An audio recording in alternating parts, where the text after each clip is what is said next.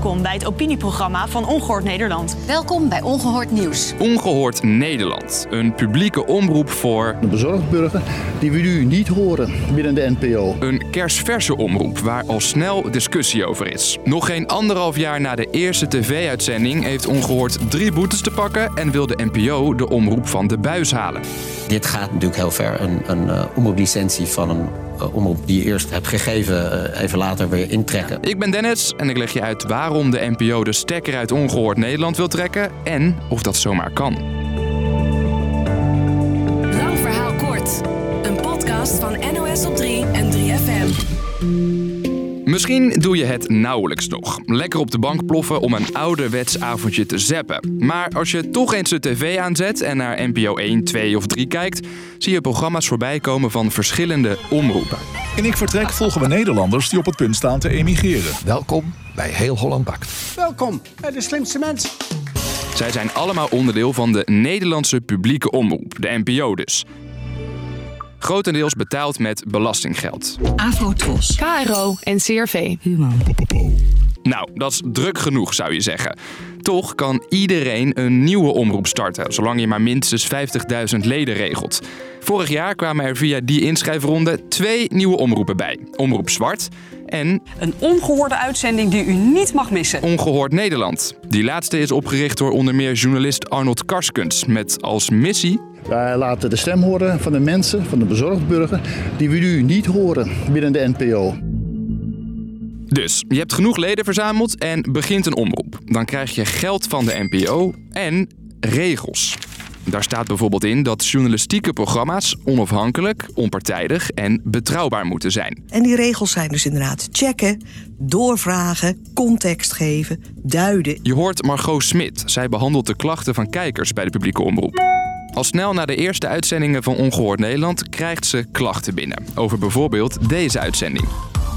Bij ons in de studio zit Vlaams parlementariër Philip de Winter, boegbeeld van Vlaams Be- Belang. Een Vlaamse politicus komt praten over de extreemrechtse omvolkingstheorie. Ons volk wordt vervangen door een ander volk. En eh, samen met die bevolkingsruil komt er natuurlijk ook een beschavingsruil. Margot Smit Checken, doorvragen. begint daarna een onderzoek. Haar conclusie? Niets mis mee om deze politicus uit te nodigen, maar Ongehoord Nederland moest op zijn minst naar bewijs van zijn theorie vragen. En dat deden ze niet. Je hebt als journalist een taak. Je moet doorvragen. Je bent geen doorgeefluik. Dat komt volgens haar wel vaker voor. Het is niet één incident. Het is niet één dingetje waarvan je kan zeggen, poets dat hè, weg.